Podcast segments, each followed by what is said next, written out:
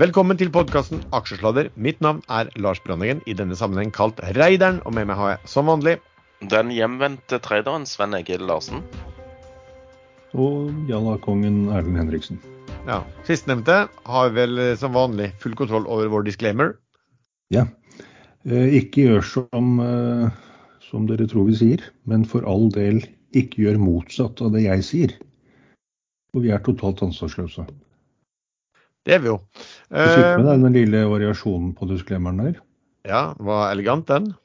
Det er en, eh, en lytter som har sendt meg en privatmelding og sa at jeg måtte legge til den fordi han mente jeg hadde advart så godt mot både Doff og Flyr og Ensu i det siste. Så Ja. ikke gjør motsatt av Ja, nå husker jeg ikke lenger. Eh, Vi gir ingen råd dersom du hører på hva vi sier her om markedet, aksjer, enkeltaksjer og livet for øvrig, er ansvaret helt og holdent ditt eget. Det kan forekomme feil i det vi sier i programmet, og panelet og panelets gjester kan være langkort, direkte eller indirekte eksponert i aksjer, selskaper og produkter som omtales i programmet. Eh, Sven, eh, siste uke har egentlig vært en veldig bra uke for Oslo Børs. Hva har du, hva har du gjort i uken som gikk? Jeg har eh, vært med i nedsalg og emisjoner. Jeg har eh, hoppet av i, i, i Sadness litt for tidlig, som vanlig. eh, eh, fordi at jeg leste denne her eh, oppdateringen fra DNB, og der sto det at de kanskje måtte flytte riggene sine. Og så tenkte jeg ja, det ble bare mas og drit og lort. Men det driter markedet i, eh, så det var en feil vurdering fra min side. Jeg eh, har gått inn i en ny riggaksje som jeg kan snakke om litt senere. Jeg har gjort noe eh, trades i eh, Hvor jeg har gjort noe trades? Nei, jeg har økt litt i Hyon, som bare faller. Og så har jeg økt litt i denne her Horisont Energy, som òg bare faller. Men der plutselig så ser jeg at Spetalen har Altså Ferncliff har økt med 90 000 eh, listen som kom i, i dag. Eh, Så jeg lurer på om han kjører en sånn Oceanwood-taktikk eh, for å se ut som han kjøper, men han egentlig skal selge. Så eh, Spennende å se hva som skjer der. Jeg har gjort en trade i Patience Sky. Jeg har begynt å se på om jeg skal kjøpe litt Aega nå langt her nede. Um, ja, hva annet har jeg gjort? Gjort mye småtrades. Har vel egentlig ikke eh, Eh, jo, jeg en tredje DVD òg. Den solg, solgte selvfølgelig òg altfor tidlig, for den har uh, gått ganske bra de siste dagene. Nei, jeg skal ikke klage, for jeg har tjent penger. Så da er jeg egentlig happy. Bra. Eh, Erlend? Eh, dette kom litt som julekvelden på kjerringa. Eh, skal vi se. Ja, cirka klokken tolv hver fredag. Ja, det, skal du i ilden og nå fortelle men nå er klokken bare ti på tolv, skjønner du. Ja, ja. Om ti minutter så er du klar, liksom? Ja, dette Ja. var jo et nytt innslag, liksom. Men jeg er klar nå. Eh, Jeg har jo treda denne Helbis eh, bort i USA litt, da. Eh, Men jeg har jo advart et par uker nå på ekstrainvestor om at han Palella, Don Palella, eh, er en sånn regelrett mafiaboss med en lang kriminell eh, fortid eh, som han ikke har blitt dømt for. Så jeg må nesten ta det med Hvordan skal man formulere det uten at det er injurierende? Allegedly. Det kan, de det kan vi si. Ja. Å der borte. Eh, Det er dødsspirallån, og det er alt man kan tenke seg av påstander på hans egen Twitter-konto som etterpå viser seg at det ikke stemmer osv. Så, videre. så kursen har eh, rast. Eh, Jeg kom meg ut eh, i pluss, faktisk. I hvert fall på en av tredene. Um, Nei, jeg tapte på den siste, men ja, ca. null, da. Den kan sikkert bli bra igjen, for det er gjerne sånn disse aksjene de går opp, og så går de ned. Og dødsspirallångiver kan faktisk være interessert i å pumpe kursen opp for å hive ut flest mulig aksjer på høyest mulig kurs før, før de shorter den en gang til, eh, for å få konvertert på lavest mulig kurs. Men eh, farlig aksje, og plutselig en dag så er den eh, konk, selv om akkurat nå har de vel penger nok. Ølbit i Sverige solgte og det var ikke så dumt, for den eh, falt når den skulle stige. Nå er den under 0,50. Ja, Get the Image. Det husker jeg ikke hva er engang. Jo, det er, det er noe sånn billedarkivtjeneste. Kjøpt på 139 og solgt på Nei, fy da. Kjøpt på 772 dollar og solgt på 645. Det høres ut som et tap. Sannsynligvis. og så har jeg tredet AI, og der eh, gjorde jeg en fantastisk første tred. Og, men det var ikke store beløpet, da, men tjente inn hele helaftenen på Lorry, som jeg skal på i kveld. Uh, og så tok jeg en tre til, og det var ikke så smart, for da tapte jeg tilsvarende fire helaftener på Lorry. Så, så, nå skal jeg bruke opp pengene fra det, det jeg tjente, og så skal jeg uh, spise havregrøt en ukes tid. Du er minus tre ganger Lorry uh, som tellende, liksom? Jeg ligger, jeg ligger nå minus tre ganger Lorry, ja. Er... Etter i kveld så blir det minus fire? Minus fem, tenker jeg. Ja, ja. Nei, det er sånn cirka det jeg har gjort. Jo, jeg har kjøpt Saptek i dag. Ja, Den treda jeg òg i går, fordi jeg så det der med den Easy-greia. Men det, jeg har hørt rykter om at du skal snakke mer om uh, elbilladere senere i sendingen. Ja, da tar vi det senere. OK. Um, for min del, jeg har trada litt uh, Bexipser inn og ut. Jeg har, har eid en del sånn Seaway siden den falt en del. Uh, men den har jeg nå solgt meg ut av den de siste ukene. Jeg har kjøpt en del SDSD i forkant av tallene tidligere i uken, og så, har jeg solgt litt igjen etter tall. Så liten økning netto alt i alt. Jeg har solgt, faktisk solgt ut mine Wilhelmsen Holding etter at Valenius Wilhelmsen falt ganske mye. Så satte jeg meg litt på sidelinjen der. Um, har hatt noen BV LPG som jeg har solgt i løpet av uken. Uh, og så har jeg kjøpt, uh, ja, kjøpt litt Argeo, faktisk.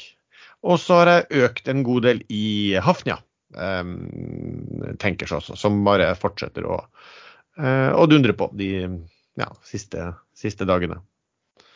Så det er hva jeg har gjort. Um, Sven, det har vel skjedd, nå har det skjedd ganske mye på, hva skulle du, si, på nedsalgs- og emisjonsfronten? Ja, det, det, har det. Nei, jeg har ikke skrevet de ned, så jeg må ta de fritt etter hukommelsen. Så jeg får ta den siste først, og det var vel da Sidrill. Uh, som uh, uh, DNB gjorde et nedsalg på 1 million aksjer til kurs 425 kroner. Jeg var med og tegna for en million og fikk aksjer for 53 000, sånn at det er vel ca. 5% tildeling. De sitter jeg med ennå, fordi at Jeg vet ikke hvorfor fikk de ikke tidsnok til å selge de på 438, kanskje. Kanskje det var derfor. Så da sitter jeg her og er i minus. Så det var det. Den suksessfulle Det suksessfulle nedsalget. Ellers så du, Men hvor mye, til, hvor mye, tildeling fikk du på tegninga di? Jeg sa jo det. 5 5 ja. ja. Begynner du å bli gammel. Jeg gjorde noe annet i mellomtida.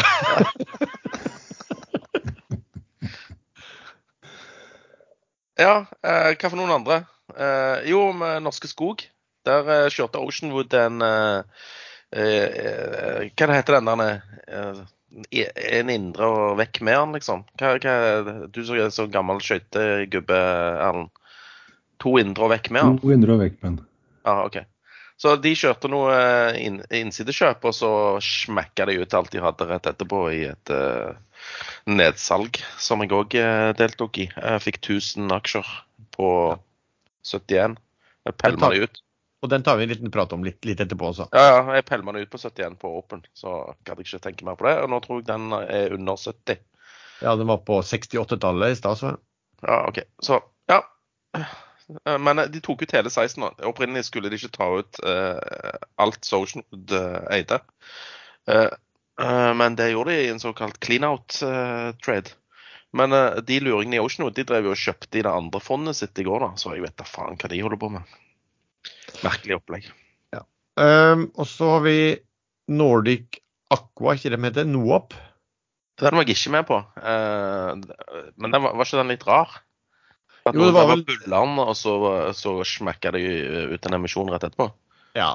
Og for der kom det vel en uh, var det Sparebank1 som hadde initierte dekning um, av den med kursmål 150% over, kurs, over børskurs. Eh, og tre dager senere så ble det meldt om emisjon, som ble gjort av Sparebank1 Markets. Eh, men den var jo da eh, Om den var garantert eller de hadde forhåndstegninger, så jeg så de var et par store eiere der som omtrent tok hele emisjonen sånn sett også. Og det var, så det ble jo Den ble vel satt omtrent på hvor, hvor kursen Skal vi se hva jeg tror det, Når de om den når, de, når den kom, den analysen, så lå vel kursen rundt, rundt eh, Kursen lå rundt 65 når analysen kom. Og hvor ble den satt på den emisjonen? Jeg tror den ble satt, den ble satt på 65 også. Så ingen skade skjedde, da, for å si det sånn. Men det sto altså da de som Den var på 300 millioner, og de som hadde pre-committed seg, som var Contrario Israel Corporation, de tok da til sammen av de 300, så tok de 160 eh, 268 millioner. Så det var derfor det ikke ble satt med noe, noe rabatt. da. Kom vel en melding i dag, Sven, om Airthings. Så du den? Det var en garantert retta emisjon. Jeg husker ikke beløpet, det var ikke så veldig stort. Men det er garantert Var det fortrinnsrettsemisjon? Eller var det garantert retta emisjon? Ja, skal vi se på den. Det var i hvert fall kamuflert inne i resultatmeldingen for uh, Q4. For de leverte dårlige tall også og måtte kutte ned på hva de skulle Fully underwritten share issue, det de kaller det. Så det er en, det er en private placement, da. Så det er ikke en, eh, det er en fortrinnsrettsemisjon? Nei. Nei. nei, nei. Men eh, de trengte penger, og kursen ble satt på 3,2, så vidt jeg husker. Eh, og kursen er nå 3,165, er det det det står her? 3,185. Så eh, ja. Da er det vel kø der. Eh, like lang kø som på Burgundslipp i går, tenker jeg, for å få seg aksjer i Airthings på mandag. Ja. For de skal hente 75 millioner, er det vel det de sier. Og så har de da pre-committa tegning fra, han, fra Firda framfor alt, som er vel Firda er vel han Geir Førre som har og kjøpt aksjer der stadig vekk, innsidekjøpt også. Um, så, så de, de har pre-committa seg til å ta for å bli allokert 50 millioner. Men Hvor ble det av Svindal? Var ikke det en sånn Svindal-aksje? Jo, men jeg tror han er med også. Jeg lurer på om, ah, ja. for at det, det Fire AS sammen med A-Management AS. Jeg lurer på om ikke det er A-Management AS. Jeg syns det sto et sted at det var um, Jo, altså det skal være Det står at A-Management er representert av, Geir, av Aksel Lund Svindal i styret, så han er også med da på, på, på garantis, eller på å pre-committe seg der. da. Det er bra. Like sånn follow, follow through. Ja. Uh, og så har vi jo en som vi også kan bare snakke litt om, eh, om også, som kanskje du følger best med på. da, er en, uh, en Search Micropower. De kom, har også kommet noe med melding om at de skal gjøre emisjon. Hva skjer? Ja, det, skrev, det skrev de for så vidt allerede 22.12. At de skulle hente inn uh, finansiell rådgiver for å evaluere alle muligheter. De nevnte ikke emisjon i den meldingen, men Eh, men det tolket jeg det som med en gang, og skrev også i chatten at det er jo en klar emisjonsmelding. Så det som skjer, er at eh, de påstår at batteriene funker, eh, men at de har tatt alle utviklingskostnadene selv, og nå har de kastet CEO på dagen, han forrige. Han fikk ikke en takk engang i børsmeldingen. De brukte seks avsnitt på å beskrive en ny interim-CEO, og så brukte de tre kort og tre setninger på på å si farvel til andre. Eh, så det der er eh, går ikke ting som det skal. Eh, jeg vil nå tro at batteriene ikke funker som de skal. Det må man nesten ta som, som en med høy sannsynlighet. Ellers hadde de fått kjempeordre der alle verdens batterifabrikker prøver å utvikle faststoffbatterier, eh, også sånne små knappebatteristørrelsetyper, og ingen andre har klart det. Så, så hvis Enso hadde klart det, så hadde de ikke trengt å sette en emisjon på krisekurs. Da kunne de eh, stått med hendene ut, og så hadde det regnet penger over dem. Så her eh, tror jeg hele caset er eh, dødt, og det ender vel med at de begynner med noe annet snart. Jeg, så, jeg ser jo at de siste ukene så han eh, Forsland, som har fulgt selskapet i lang, lang lang tid, han har jo solgt seg ganske Virker i hvert fall som har solgt seg aggressivt ned. Og, og også mm, Alden, som er, han var den største aksjonær etter hvert, han Edvin Austbø, har jo også solgt ganske, ganske mye. Så bare i dag Ja, og. Skårstad i Tigerstaden. Ja, også solgt, kanskje solgt en del, jeg vet. Jeg vet ikke. Jeg så bare han han hadde solgt fire millioner eh, aksjer på på, på tirsdagen eh, på de siste listene vi har. Men de skal hente et sted mellom 40 til 60 millioner kroner. Men så, men så det liksom litt merkelig måten hvordan, hvordan, hvordan de gjør emisjonen på? Ja, helt, eh, de, må, må skal sende en mail innen tirsdag til en advokat med kopi til styreformannen, som har samme mailadresse som advokaten, eh, på at man vurderer og kan muligens tenke seg å være med i emisjonen. Ikke noe kurs, ikke noe bindende. Jo, men nei, man skulle, man skulle indikere kurs og volum man ville tegne. Ja, akkurat. Men eh, det er jo null binding bak en sånn eh, Ja, men det er jo bare å sende inn og si du tegner 1 milliard til 0,01 øre. Er fordi hvis man tror at dette batteriet funker, så har de også antydet at de skal vurdere å børsnotere et datterselskap bort til USA og hente penger der. Eh, Og jeg ville ikke blitt overrasket over hvis dette faktisk funker, at eh, den norske emisjonen den kjøres som en eh, emisjon de helst ikke vil fylle opp, og så henter de inn penger via et datterselskap i USA, hvor eh, Mr. Pete og resten av togrøverne kommer inn bakveien og, og stikker av med gevinsten. Men høres ikke det litt, litt far-fetched ut? Altså, Jo, jo. sjefen går på dagen, de store aksjonærene selger seg ganske aggressivt ned, kursen stuper, og, og, og de melder med at de må gjøre emisjonen med og, i løpet av et eller annet tidspunkt, og du bør melde en indikasjon i løpet av tirsdag neste uke. Ja, ja, nei, Det høres ut som at dette ikke funker i det hele tatt. Men de sendte ut en nytt prospekt hvor han nye interim-CEO-en, som, som faktisk har en uh, veldig god track record i hele bransjen, uh, bl.a. fra Samsung, så jeg, uh, påstår at dette funker. Det er derfor jeg åpner opp for at de rett og slett skal bare svindle hele uh, greia ut bakveien via et USA-selskap som ingen andre kan kontrollere. Men det er jo en veldig stygg påstand. altså Sånn skal man jo ikke si offentlig på direkten. Nei, du sa ikke at det kommer til å skje, da. Du sa at det er noen, si, det er noen luringer på eiersiden i dette her. Det er det ikke noe tvil om. Ja, men togrøvere er per definisjon luringer. Nei, men det er jo hele bøtteballetten av de som har vært med å dra dette caset her. Det er eh, Forte Trønder eh, og Forte Norge. De har redusert kraftig. Eh, Fire mil til 2,2 mil og nesten fem mil til to mil bare på siste dagene. Det som er litt rart, er at de begynte ikke å redusere det da den meldingen kom 22.12. Det var det vel bare han Forsland som gjorde. Han begynte å selge seg ned med en gang da den kom. Så disse andre, de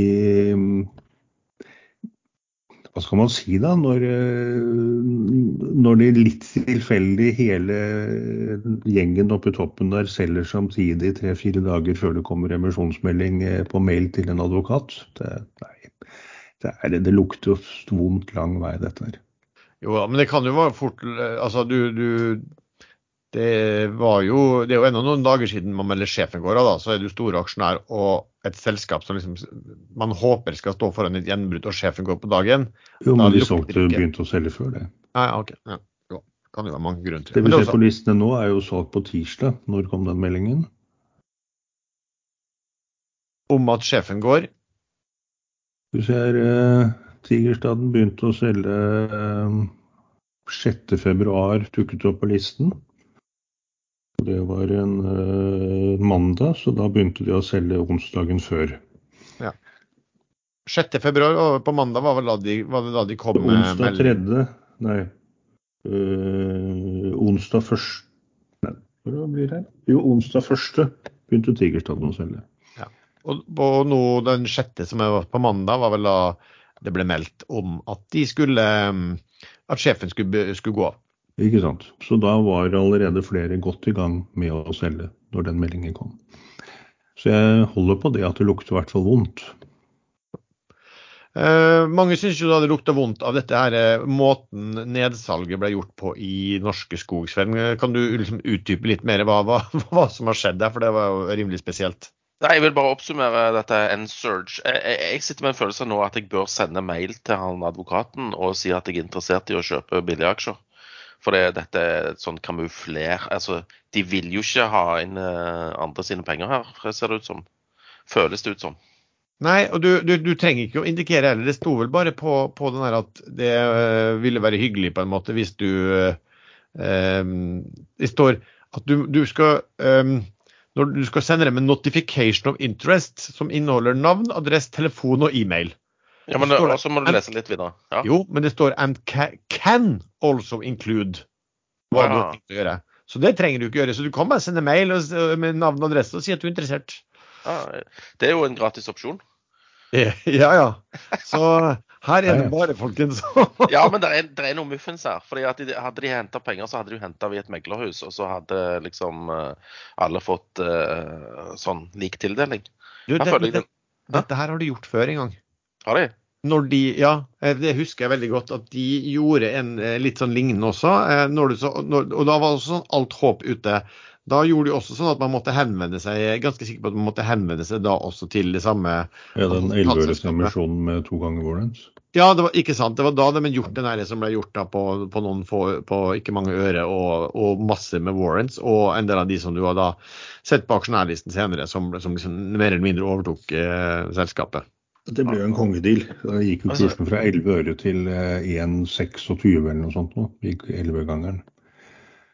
Skulle hatt en sekretær som minner meg på å huske å sende mail innen tirsdag. Ja.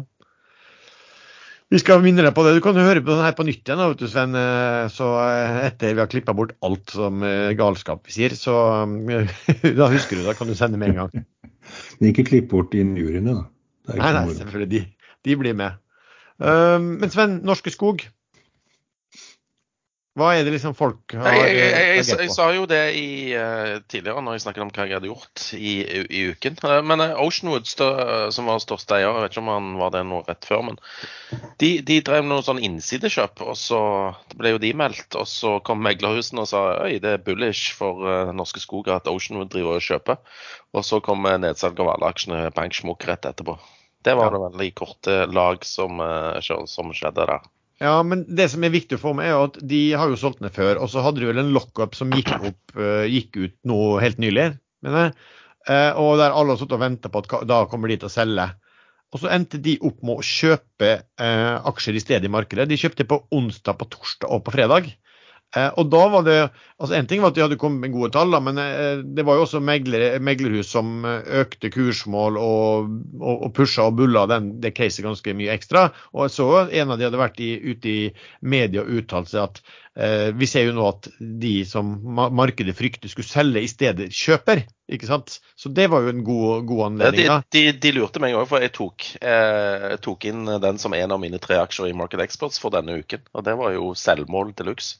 Jo, men altså, jeg skjønner jo logikken, for jeg satt også og tenkte på det at OK, de, de kan da virkelig ikke selge, begynne å selge nå når de, når de gjør innsidekjøp, og, og sitte med styreleder også i selskapet. Nei, det er skikkelig Dirty Diana-opplegg. Men uh, det Fool you once, uh, OK. Fool me twice, uh, no. Så de kan ikke bruke den finten en gang til noen andre plasser. Nei, og det, Men Oceanwood var vel ikke helt uh, ryddig heller da første norske skog gikk konkurs? Er ikke han en gammel pokerspiller, da, han som styrer dette Oceanwood? Jeg, kan, jeg husker jeg leste sånn profilintervju med han i DN for en del år siden. Og jeg tror han er profesjonell pokerspiller. Jeg tror nok de fort kan ha brent en del eh, broer i, i Norge eh, på det der, i hvert fall. Og, og det, det i hvert fall folk kan komme til å se nå, er jo at andre aktører som har lockup, hvis de begynner å kjøpe i markedet, så begynner jo alle folk, kommer jo folk til å tenke at de, tar, de kommer til å ta en Oceanwood, de også.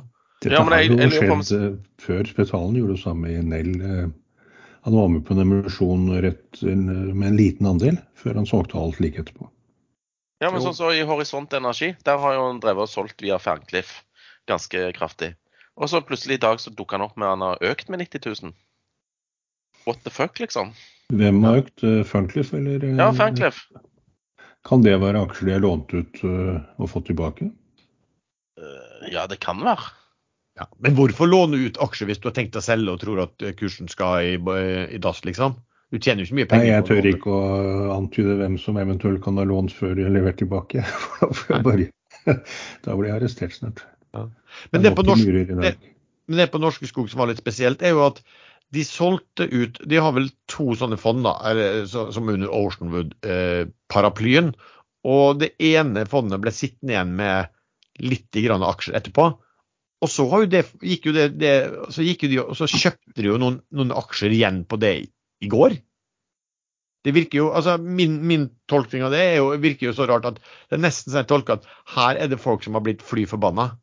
Eh, fordi at kursen har falt under eh, hva de har tegna seg for, og så har de begynt å kjefte. eh, og så prøver de å drive litt sånn reparasjon her for å i hvert fall få opp kursen til eh, det, det nivået der. Jeg vet ikke, det virker bare rart. Um, kanskje de kjøper også, bare for at folk skal notere seg det. og så bang, så selger de ut alle, og så har de gjort det på nytt igjen. Men den siste her er jo bare små, et lite antall aksjer, så det burde ikke bety så mye. Um, men når vi ser da det har jo et spørsmål og blir en diskusjon også, når vi ser hva som skjer i Norske Skog og også dette Nordic Aqua. Vi har da meglerhus som um, øker kursmål, buller caset, Eh, og så kommer det emisjon veldig kort tid etterpå, og der de eh, meglerhusene eh, er tilretteleggere. Eh, og da er jo spørsmål om liksom, fungerer da Chinese walls i meglerhusene. Og Chinese walls betyr jo da at det skal være et skille mellom de som sitter på analyse, og de som jobber med ka- kapitalinnhenting på corporate, så de skal ikke snakke med hverandre om case. Men eh, hva, hva tenker du, Erlend? Tror du det der eh, Jeg tror de har misforstått. Jeg tror de bruker eh, Japanese walls, og de er laget av papir, som man vet. Så da hører de hva som blir sagt på andre siden av veggen. Det er ikke en kinesisk mur som det skulle vært. Sitter ikke i åpne landskap, da, så det er ikke noe mur i det hele tatt. Jeg tror de må sitte atskilt. Det ville det vært veldig rart. Nei da, de sitter i åpne landskap, hele gjengen. Sitter på sånn callsenter hele bunten. Boiler Men, room. men Erlend, tror du er, er- er det noen grunn til mistanke her? eh, Eller tror du det kan være litt tilfeldig? Ja, jeg- hvor, mange, hvor mange har jeg spredd i dag? Er det tre allerede? Jeg tør ikke å si noe ellers. Nei. Um, For min del så, så tror jeg faktisk at altså det, det man kan tenke på til forsvar for, for meglerhusene man, Det kan alltid virke som bestilling, men det kan også være motsatte. At meglerhuset mener at eh, altså kommer med skikkelig analytikeren kommer med skikkelige anbefalinger. Og så tenker de, det selskapet det gjelder at ah, OK, så bra. Det her får jo opp interessen for, og kursen og interessen for selskapet vårt. Og hvis vi skal gjøre noen ting, kanskje vi skal bruke anledningen nå. Så det er jo en annen, og da er det jo ikke så rart at du heller at du gir oppdraget til de som faktisk er positive til caset ditt. En, det er jo ikke så normalt å gi, gi det til de som ikke har dekning f.eks. På, på selskapet engang, for da har jo ikke de noe ja, anbefalinger og, eller og analyser å kunne vise til. Så det er ja, det, det kan slå litt begge. Jeg er helt sikker på at det, det finnes tilfeller hvor, hvor det, det her er kjempedirty. Jeg husker jo under, det var vel i USA det ble avdekka under den dotcom-krasjen at analytikerne betenkte det liksom som eh, aksjen som pieces of shit, men de måtte likevel anbefale det fordi at eh, meglerhuset hadde så mye corporate business eh, på det. Men eh, ja. Hva tenker du, Sven? Jeg tenker at alle meglerhus, eh, spesielt i Norge, er veldig snille. Ja. Og du ønsker tildeling på framtidige emisjoner. I hotte emisjoner ønsker jeg eh, maks tildelinger. Ja. Eh, Og så ønsker jeg advarsler i emisjoner som går til helvete. Det siste du sa nå, har ingenting å gjøre med at du syns alle meglerhus i Norge er snille?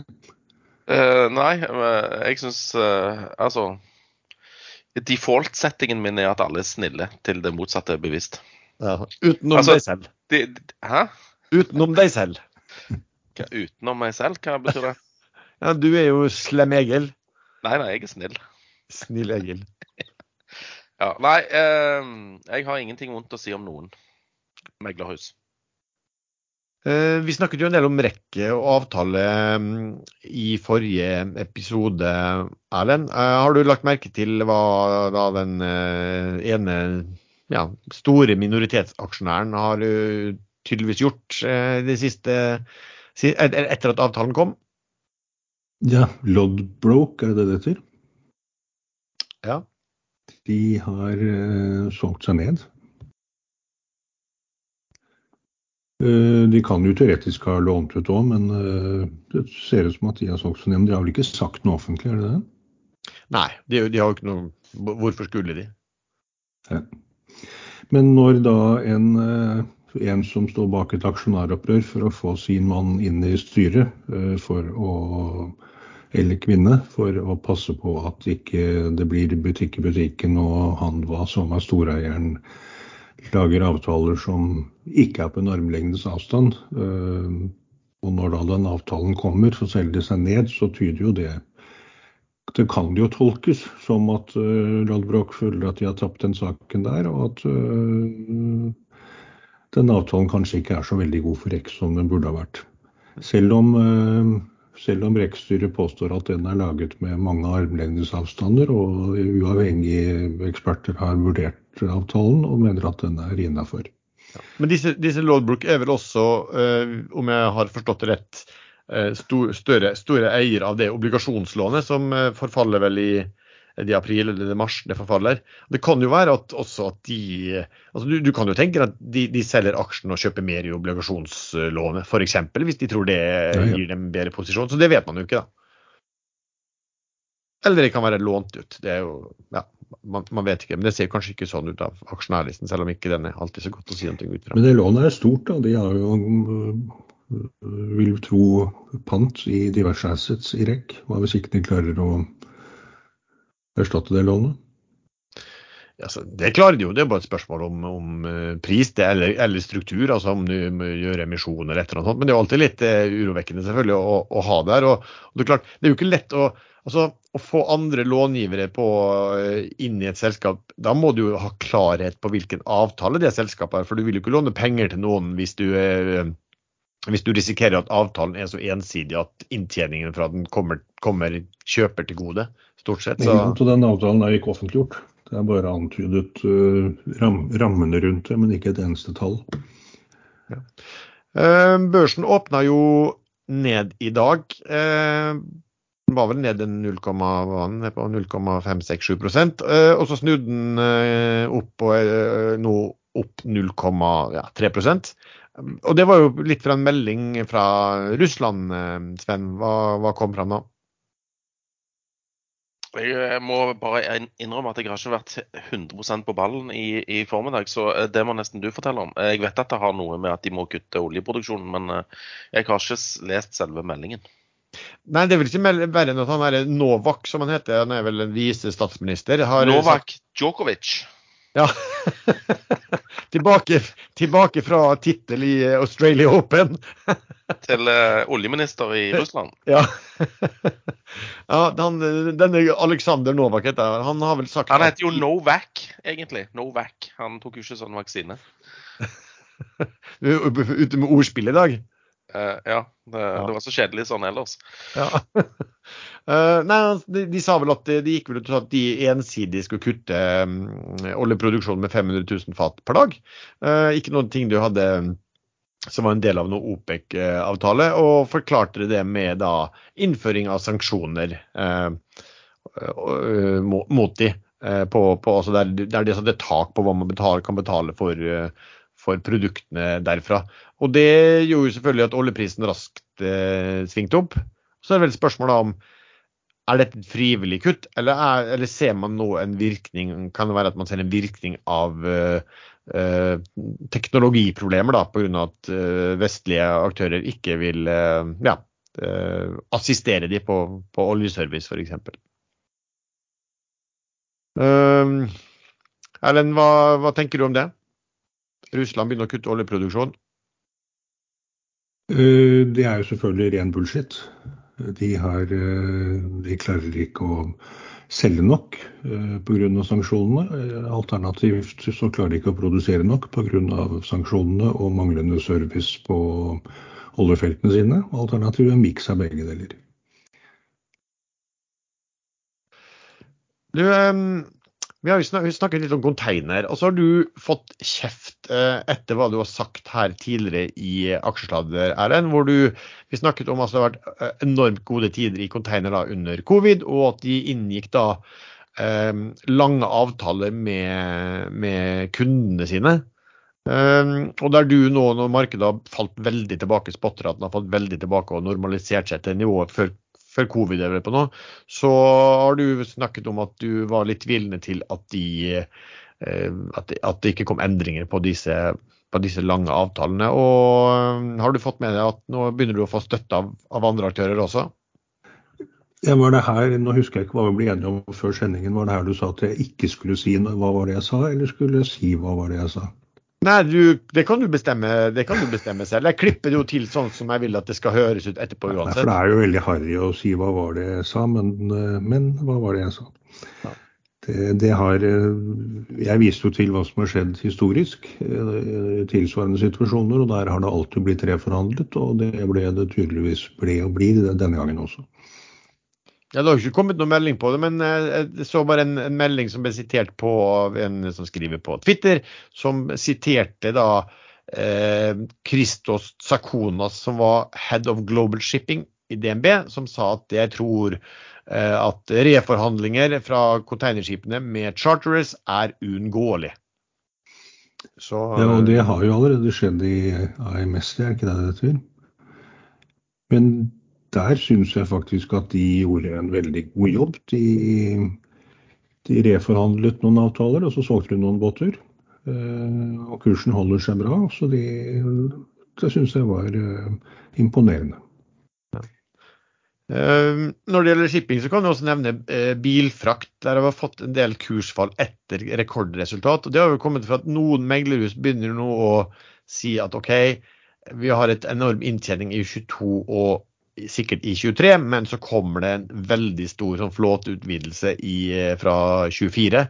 Um, og, og, og, noen sa da, begynte liksom å skrive at ja, og henviste hvordan det hadde sett ut på konteinermarkedet, hvor det også da var gode tider, og så kommer det masse nye fartøy til. Og så plutselig så kan du risikere at det ikke blir så gode tider lenger heller. Uh, og det har vel egentlig gjort at Og at de har sagt, sagt også, Wilhelmsen sa vel at de var litt usikre på på i hvert fall andre halvdel av 23, selv om de, de sier at 23 blir et bra tall. Da. Så var de litt usikre og var litt vare på det, på en sånn call, og da ja, begynner folk å, uh, å selges unna det også. Og bilfrakt har jo vært en virkelig kjempeaksje, de aksjene, og, og eid de, de siste uh, årene. AI der har du skjedd litt. Har du fulgt litt med det som har skjedd mellom Microsoft og hva som har skjedd med Alphabet og Google, Sven? Knytta til disse her chat, AI-chat-botene? Ja, som, som spådd for en del uker siden, så sa jo jeg at AI, og spesielt AI-software, kom til å bli hot. Eh, og det er nå på alles lepper, og alle syns dette er fantastiske greier. Og alle unntatt Erlend Henriksen syns at dette er noe for framtiden. Eh, sånn at eh, nå har jo disse store selskapene med Microsoft i spissen da begynt å integrere det i sine nettlesere, som jeg forresten hater. Jeg liker kun likevel egentlig kun uh, sånne Google, Google Chrome. Uh, men så har Google òg begynt å, å, mase om dette AI-greiene sine, og har vel uh, en, en tjeneste som de skulle lansere som heter Hva var det den heter? Tard? Nei, Bard. Bard var det, ja. Bard. Bard. Det, var det er nok skrivefeil. Det burde vært Tard. Nei, jeg vet da faen. Turd, ja. Charles the Third. Uh, nei, og så uh, hadde de en annonse eller noe sånt for dette Bard-produktet sitt. Og da var det noe feil i den da, som førte til at uh, milliarder av kroner forsvant i markedcapen til Alphabet, som da eier Google. Jeg kan ikke detaljene i den annonsen, men det var i hvert fall, de dreit seg ut på et eller annet. De hadde, den hadde svart at det nye romteleskopet, James Webb, har tatt det første bildet av en planet utenfor vårt eget solsystem noensinne, og det er feil. Okay, det er allerede noen år siden.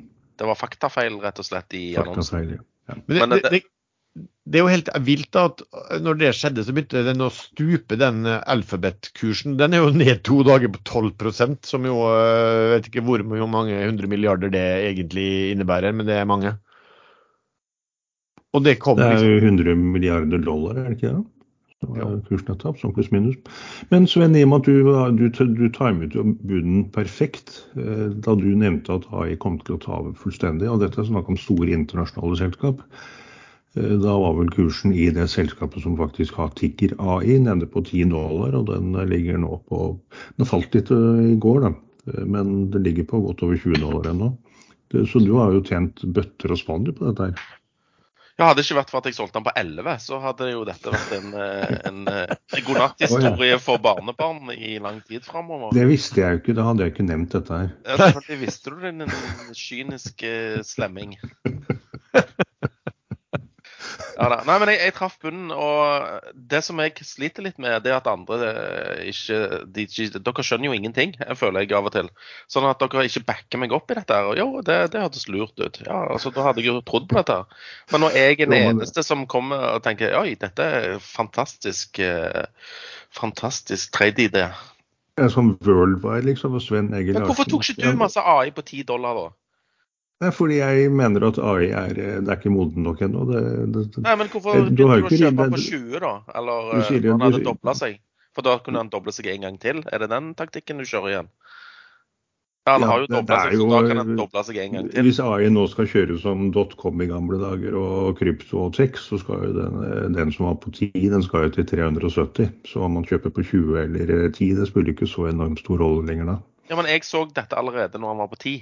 Ja, Eh, og solgte på hva var det du 11, sa igjen? 11, 10% på en dag eller to eller tre. Men eh, samme det, da. Ja, men du skal ha kred for at du faktisk eh, så, så det markedet komme. Og, og så, slags innsideinformasjon ja, du hadde der. Ba, jeg ba òg lytterne om hjelp til å finne andre AI-aksjer. Har ikke hørt en dritt. Altså, det, det, det, må jo være Jeg skal ikke si at de som hører på oss er dumme, men de kan jo ikke være særlig intelligente eller lure. Stridssmarte. Så, det eh, du, du påstår at jeg ikke har noe tro på Eid, det er feil. Eh, men som jeg sa forrige gang, at det er de siste 5% som er ekstremt vanskelig å få korrekt. Og det er derfor eh, Tard, Tørd klarer å skrive noe sånn litt bagatellfeil. Jo, men altså den chat-GPT-en til, eh, til, Bing det var jo ikke noe bedre det som framheva uh, norske var ikke det norske helter de siste et eller annet årene, og så hadde det kommet med Anders Behring Breivik, liksom? Ja, på topplassering. Ja, ikke sant? Hvis, var, hvis, hvis, Norge hadde vært USA, da, så hadde jo den aksjekursen falt 20% på en sånn. Men det er jo, jeg har vel kanskje nevnt det før, da jeg ba den om å sjekke et romertall, hvordan man skriver uh, 2023 med romertall. og det, det, er ikke så enkelt med romertall, det er litt komplisert å få til. Men jeg foreslo noe med tre x-er. Eh, og Det var det en som sjekket på Ekstrainvestor, og da nektet den å svare. For den mente at XXX det, er, eh, det kan violate som eh, internal greier. Og Sven vet jo hva XXX står for. Nei, jeg vet ikke hva det står for, men det er jo tilknyttet pornobransjen, vil jeg tro. Ja. Så AI er ikke smartere enn vi klarer å programmere den til. Eh, så enkelt er det. Nei, men det, altså, samme var det med internett. altså All, all denne AI-dritten kommer jo bare til å ta av. Jeg fant jo denne Soundhound, som, og den var på 1 dollar. Jeg hadde en del aksjer på 1 dollar. Og de solgte jeg på 1,1 dollar eh, relativt kjapt etterpå. Og den gikk til over fire. Benchmark. Vi snakker om uker her. Så eh, det at dere ikke driver og er støttekontakt for meg og mine AI-aksjer, syns jeg er eh, ja, grense til uvennlighet. Hvor var du i sommeren 2015 da jeg åpnet konto på Coinbase og skulle kjøpe, kjøpe bitcoin på 317 dollar? I 2015 så, så tror ikke jeg jeg kjente deg. Jo, det var på ekstramester begge to. Nei, jeg tror jeg så på deg med andre øyne enn jeg gjør nå. Okay. Okay, du, den, gangen hadde positivt inntrykk. Den gangen har du bare sunket, liksom. Nei, men det var ganske surt. Jeg åpnet konto på Coinbase og skulle eh, kjøpe bitcoin for 100 000 kroner eh, på kurs 317 dollar. Eh, men så klarte jeg ikke å overføre penger med visakortet, og det fant jeg ut et par år etterpå. Det gikk jo heller ikke, man måtte overføre via banken, så jeg glemte det. Og så gikk den til 20 000 dollar eh, to år etterpå. Men du, han, altså toppsjefen i eh, Microsoft han sa jo om dette AI altså Man snakker jo om dette her som er generativ AI, det, med, det er egentlig altså der du bruker algoritmer som, som, som, skaper nytt innhold, som kan være audio, kode, bilder, tekst, simuleringer, video. altså Du, du lager noe nytt um, på basis av AI. Og han sa jo at det her var det største som hadde skjedd i deres bransje på, på 15 år, tror jeg. Han, tror han sa siden skyen kom, så var dette her det, det største. Ja, Det er ikke noen tvil om at det er bra, og det kan brukes til masse. Men det har, eh, det har begrensninger nå, og det tror jeg det kommer til å ha helt til man klarer å lage datamaskiner eh, biologiske, basert på nesten som vår egen hjernemasse. Det mekaniske og null, null og én og det tror jeg ikke de kommer til å få til. Men den dagen de klarer å lage biologiske datamaskiner, da kommer jeg til å skaffe meg en liten sånn hule langt opp i fjellheimen et eller annet sted, for da vil jeg ikke være lenger. Nei, og da blir... Tror at du er i live når dette skjer? jeg dør ikke så lett. Nei, du har jo levd et par hundre år allerede, så du har jo vært gjennom litt. Du, altså, men I tilknytning til det her da, så fikk vi et um, som jeg synes var et interessant spørsmål, um, som vi hadde fått inn fra um, en uh, viss Egil. Han skriver hvem mener panelet blir førstemann ut til å melde strategisk endring av selskapet i retning mot AI? På Der er Insu en god kandidat. Hvem da? Insu. Ja, den tenkte jeg òg på. At uh, nå skal de Nei, faen, dette batteriet døde. Uh, men, ja, vi var litt for tidlig ute. Batteriet ja. er perfekt, men markedet er ikke der ennå, kommer de til å si. Men hva med dette, eh, hva med dette DLTX? da? De er jo også noen som hopper rundt omkring på hva som måtte virke, det som måtte være hot. DLTX er for, den er for, for uh, åpenlys, så det blir ikke den. Nei. Noe sånn, noe sånn investeringsselskap, da? Altså, Carbon var jo også sånn som, som, ble til fordi at det var en grønn hype, og da skulle de altså investere i, i grønne hype-ting. Nei, men vet du hva? Eh, eh, på Oslo Børs så er det ikke den hypen ennå uh, i Nei. AI. Vi, er tidlig ute, faktisk. Uh, så Du kan ikke vi lage en egen startup, da? Aksjelader AI? Nei, jeg mener jo, altså jeg er jo med på dette Market Experts, og der har vi liksom uh, as defined by AI i det, underteksten. Så det er bare å kjøre på. Vi er jo skikkelig AI her nå. Vi skal erobre verden ved bruk av uh, altså finansmarkedene ved bruk av kunstig intelligens. Ja, men jeg, jeg, tror du må skille litt på AI her, altså hva, hva man snakker om. som er ja, liksom ja, altså i, i, hype- og aksjeverden så står det AI, så er det AI. jo, men det er liksom der med, Man snakker om maskinlæring, da, men, men det, det, det, som er liksom fokus på nå, er jo de som kan bruke ting altså som skaper, som skaper noe nytt. Altså skaper noe nytt eh, innhold, er vel det som er altså det, det, Ja, ja jeg, jeg, skjønner hva du mener, men vi, vi skaper jo liksom eh, ekstraordinær avkastning. Ja, det, er jo, det, er jo, det er jo noe nytt. Nei, altså Hvis du går på marketexperts.ai nå, så kommer du rett inn på marketexperts. .ai, ja. Ja, ja. Selvfølgelig. Alle skal ha .ai nå. Ja, det, det, er jo faktisk en sånn øygruppe en eller annen plass. Eh, jeg husker ikke helt, men eh, .ai det, det er den eh, som blir det nye. Ja, det, hvilken annen, det var, var jo en sånn øygruppe også som, ble, som hadde liksom hele statsbudsjettet sitt bedekt av sånne domeneinntekter på en eller annen Jeg husker ikke hva det var, det var IO eller Nei, det var et eller annet i hvert fall som, som en av disse her hadde, som ble så, ble så veldig populære. .as er faktisk American Samoa. For de som ja, ikke det, Jeg har det. Mailadressen min er navnet mitt, .as. Ja. Ja, du må få endre til .ai. Henriksen.ai. ja. Det hadde vært morsomt. Men er, det, men er, det, noen seriøse vi kan tenke på da, altså, som, som, kanskje er noen ting eh, nærliggende, og som, som kan tenkes eh, Kanskje ha noe maskinlæring, og som kan komme opp med et eller annet litt mer AI-sexy knytta på selskapet sitt? Analyseavdelingene til eh, meglerne burde jo kanskje være aktuelle. Nei, jeg, jeg, kjenner, jeg, kjenner, en som heter Alf. Uh, og Han skal ut og drikke øl med i dag på Sadness sammen med noen andre ekstrainvestorfolk. Og jeg tror han begynte å mase om at Goodtech var AI, og, og eh, den, den, ser jeg ikke helt koblingen til. Nei, det, det ser jeg ikke. Det er sånn vann og avløp og, og sånne greier. Og så. Nei, det er AI. Men du, det er en ting jeg sitter og tenker på, som, som har slått meg som kanskje Altså, hva med et sånt selskap som Kahoota?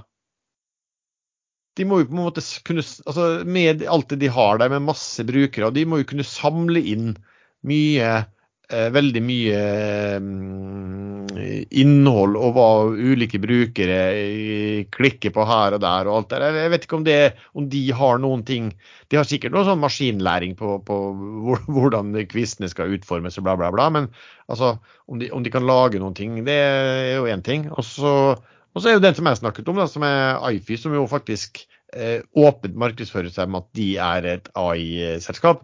Men det er jo mer sånn maskinlæring. Det er jo ikke noe sånn at de, de skaper nytt innhold der også. Um, det gjør de ikke, selv om de, de kommer med noen lanseringer på ting snart. Men det er jo mer intelligent søk og strukturering ved hjelp av AI, på en måte. Ja, og jeg, jeg, vil tro at det er sånne selskap som behandler store mengder data, type Meltwater, som kanskje kunne kvalifisert til noe AI-satsing. Altså, IFI, de, det de skal komme med nå, er, de skal vel komme med en sånn løsning mot uh, konsumentmarkedet som alle kan bruke, hvor man i første omgang altså, skal kunne laste ned systemene for å bruke det på alt det man har liggende på Dropbox. Og så skal de vel utvide det til alt man har i OneNote eller det heter, og, og mail generelt sett også. Um, men det, det, er jo intelligente mer sånn søk og kategorisering og alt den biten der, da. Men du, om, det også, om, det på en måte kan videreutvikles da, hvis du får veldig mye privatpersoner inn og lager noe sånn mer for jeg er litt opptatt av det med generativ, altså AI. at ikke, altså Dette med maskinlæring har vi jo hørt om egentlig i veldig lang tid. da. Så, til, til, å være såpass gammel som du er, Lars, så syns jeg du er veldig flink innen IT og, og fremtidsretta teknologi. Takk skal du ha, Sven. bare, bare hyggelig. Ja. Ja, nå, det har du faktisk rett i, Sven. Jeg er litt imponert, men ikke si det til Lars. Han blir bare så blærete. Ja, ja. Men eh, Sven, du, får, du, kan få en second chance i A-investeringer nå. Eh, selve AI den ligger nå på 21,6, og du kjøpte på 10 og solgte på 11, men den var oppe i 32. Gikk han til 32, den gjøken? Ja, det mener jeg den gjorde. Ja, det pleier å være Jeg skulle, sagt, skulle vært tøffere i trynet og sagt TP32. Men jeg, jeg tørde jo ikke det. Skal vi se her. Toppen Jeg Ja, i hvert fall 30, men er, jeg, må, jeg, må, gå på litt kortere tidsintervall for å se toppkursen der. Men det var Intra så var den nok helt oppe i 32, tenker jeg. Ja ja. Det kommer ja. vel nye tog. Ja, det var ikke meningen å strø salt i såret ditt, men, eh, men, nå er det faktisk mulig å plukke de opp igjen på her. Over 30,61 får jeg fram, men det er sluttkurs. 6. februar. Eller ja, uansett over 30. Så, og nå er den da 21,6, så den kan jo sikkert falle mer òg. For eh, det som skjer borte i USA med alle disse selskapene som går vanvittig, og det har man sett på krypto i alle år òg, de har perioder hvor de drar på, og så følger de indeksen resten med mye større utslag.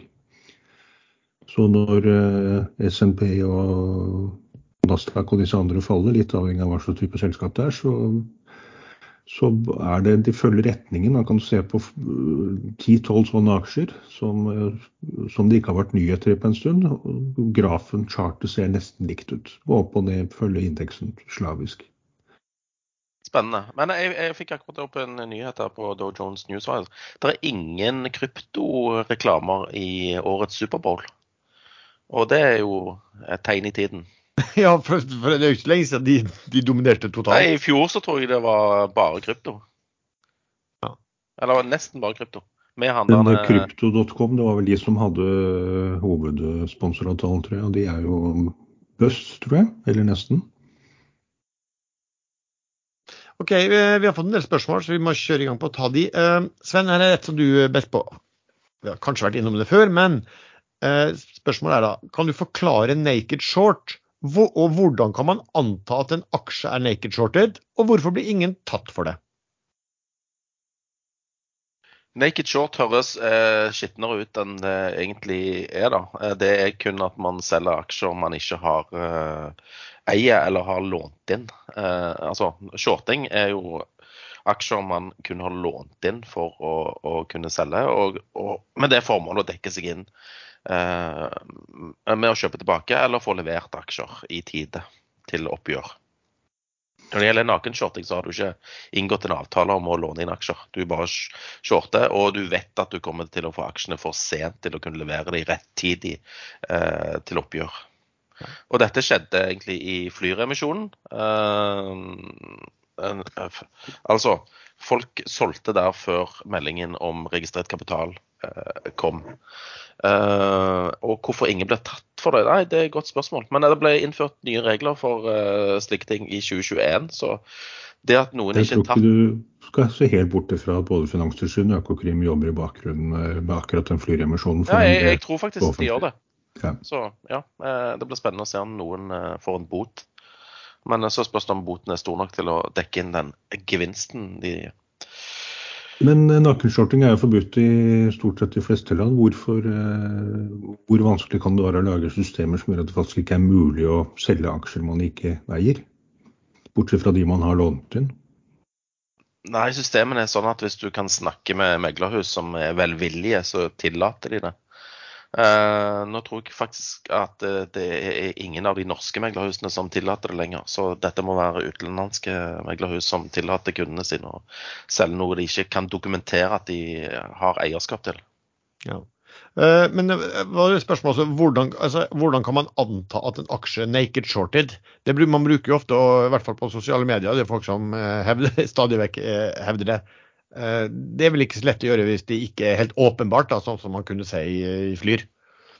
Nei, Du vet mengden utstedte aksjer, og plutselig ser du at den aksjekapitalen er rulla et par ganger. Da skjønner du at det er muffens i gjerdet. Ja. Jeg husker Tandberg Data, som jeg snakket før om i, i sin tid også, som, der, der, det plutselig dukket opp eh, mer aksjer til salgs på én post enn hva det fantes aksjer i selskapet totalt. Der har du et typisk tegn. Ja, da, husker jeg, da husker jeg ringte Finanstilsynet, og Finanstilsynet sa at hvis det er slik at det er liksom en naked short, og da måtte jeg fortelle men hvordan kan det være andre ting når det finnes flere enn ja, aksjer enn det finnes i selskapet som ligger til salgs. Men ja, det, var, det, det er en lengre historie. Nei, det er jo noen som har vanskelig for å forstå det. Eller de ville egentlig ikke forstå. De ville egentlig bare at du skulle legge på. Ja, det er vel det. Um, så har vi fått spørsmål på bare om hvilke synspunkter vi har på bruk av teknisk analyse. Erlend? Jeg bruker det veldig lite, men uh, hvis en aksje plutselig faller uh, kraftig, sånn uh, uten grunn eller med grunn, så pleier jeg å se på hvor den aksjen har snudd før, og gjerne der hvor den har snudd opp eller ned på, på mye volum. Der stopper det ofte, eller eh, snur opp igjen eller ned igjen. Og det er jo den enkle grunnen at det er veldig mange som følger med på akkurat det samme. Så det, det blir plutselig masse kjøpere eller masse selgere på visse nivåer. Så, og det er jo saueflokkmentalitet. Så hvorfor folk er så veldig negative til teknisk analyse og kaller det humbug, det, det skjønner jeg rett og slett ikke. For saueflokkmentalitet er det ingen problem med å forstå. Tenker du, Sven? Jeg er ikke fan av teknisk analyse. Har aldri vært det og kommer neppe heller aldri til å bli det. Men jeg ser på det som at det kan være en selvoppfyllende profeti hvis mange nok tror på det. Og, og da funker det jo. Men jeg tror du har det litt innebygget i blodet, Sven. For jeg ser ofte da når du skriver at du har kjøpt eller solgt, så er det akkurat der man ville kjøpt eller solgt hvis man hadde fulgt med på teknisk analyse. Så du, du har det innebygget. Ja, men jeg, jeg, ser, jeg ser, mer på ordrebøker. Jeg ser at liksom, du, du føler ja, men, vekten det begynner å skifte litt i ordrebøkene. Men hvorfor tror du ordrebøkene fylles opp eller tømmes akkurat der? Nei, jeg vet da faen, jeg. Fordi at folk er ferdigsolgt, ferdigkjøpt, uh, et eller annet. Fordi de har sittet og sett på chartene bakover i tid og funnet at akkurat der var det masse bevegelse. Der, der tar jeg sjansen. OK, ja, mulig du har rett. Nå, går, nå mister NSU 30 øre her. Øyeblikk. Ja, den har vært under lenge. Flere ganger. 28 0,2852. Jeg drev og treida den over én krone her for noen dager siden, føler jeg. Ja, det var bra, bra, bra du bra satt over jeg solgte, jeg solgte. Nei, men hadde, den hadde et rart mønster. Den ble dumpa, dumpa, dumpa eh, på ettermiddagen. Og så eh, kunne du kjøpe den liksom ti til fem minutter før eh, auksjonen. Eh, og så ble den dratt opp i auksjonen. Så Det tyder jo på at de som da solgte, hadde mer å selge og ville ha en høyere sluttkurs. Så Det funka to-tre dager på rad. Men jeg er glad jeg hoppet av hver gang. Ja.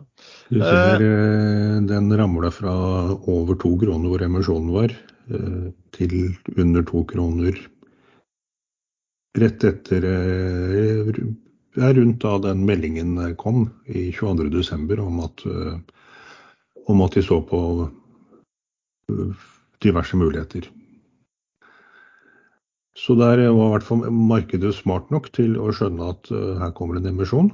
Eh, selv om veldig mange småaksjonærer aldri tror på det og håper på det beste. Jeg ser i Ensu-gruppen på Ekstramester så er det fremdeles noen som tror at eh, det kommer jo snart en god melding, så her er det bare å kjøpe. Og noen av de mener det òg.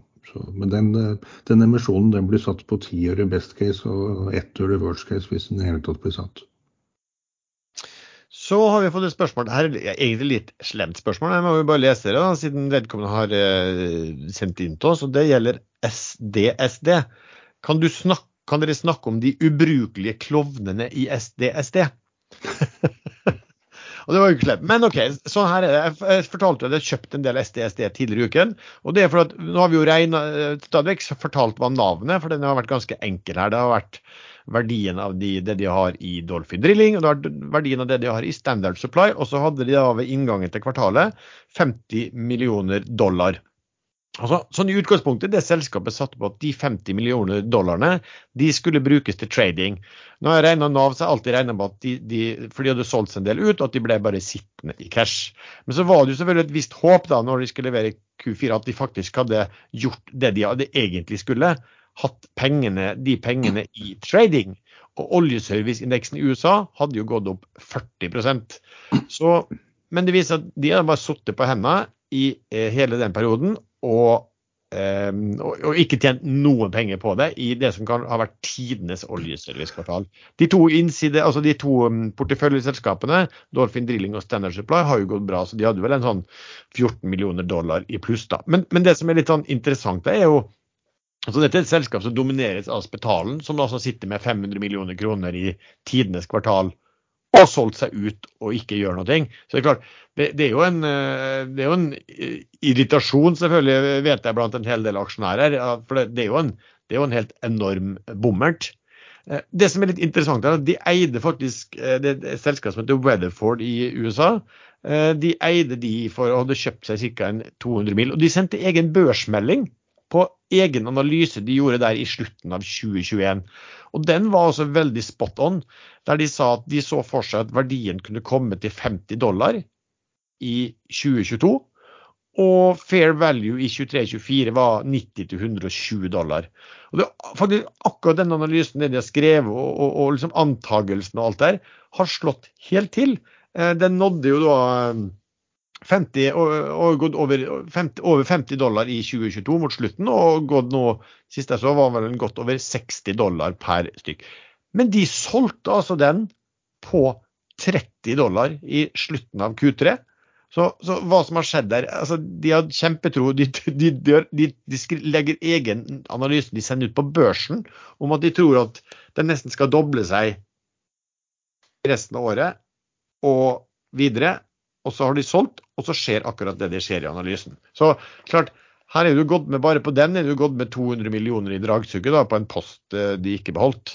Og da er det jo det en del som da mener at det er åpenbart at de som har lagd denne analysen eh, fra SDSD, at de har vært veldig positive til caset. Og så rettes da søkelyset mot Spetalen, som er jo den sterke mannen som storeieren her, som de folk kanskje mener har vært så bare at uh, de har blitt for langt sittende i cash i kvartalet. Så, Men nå er det jo Det kunne jo ha skjedd ting annerledes. Eller det kunne ha skjedd ting som gjorde at Spesialservice ikke var så hot lenger. Uh, man vet jo ikke før kvartalet begynner at det skal bli så hot som det blir. Det vet man først etterpå. Så det spørsmålet hadde sikkert vært formulert på akkurat samme måte hvis uh, hvis de hadde gått tungt inn med disse 50 millioner eh, dollarene eller hva det var for noe, og kjøpt noe annet, og det hadde gått uh, kraftig ned.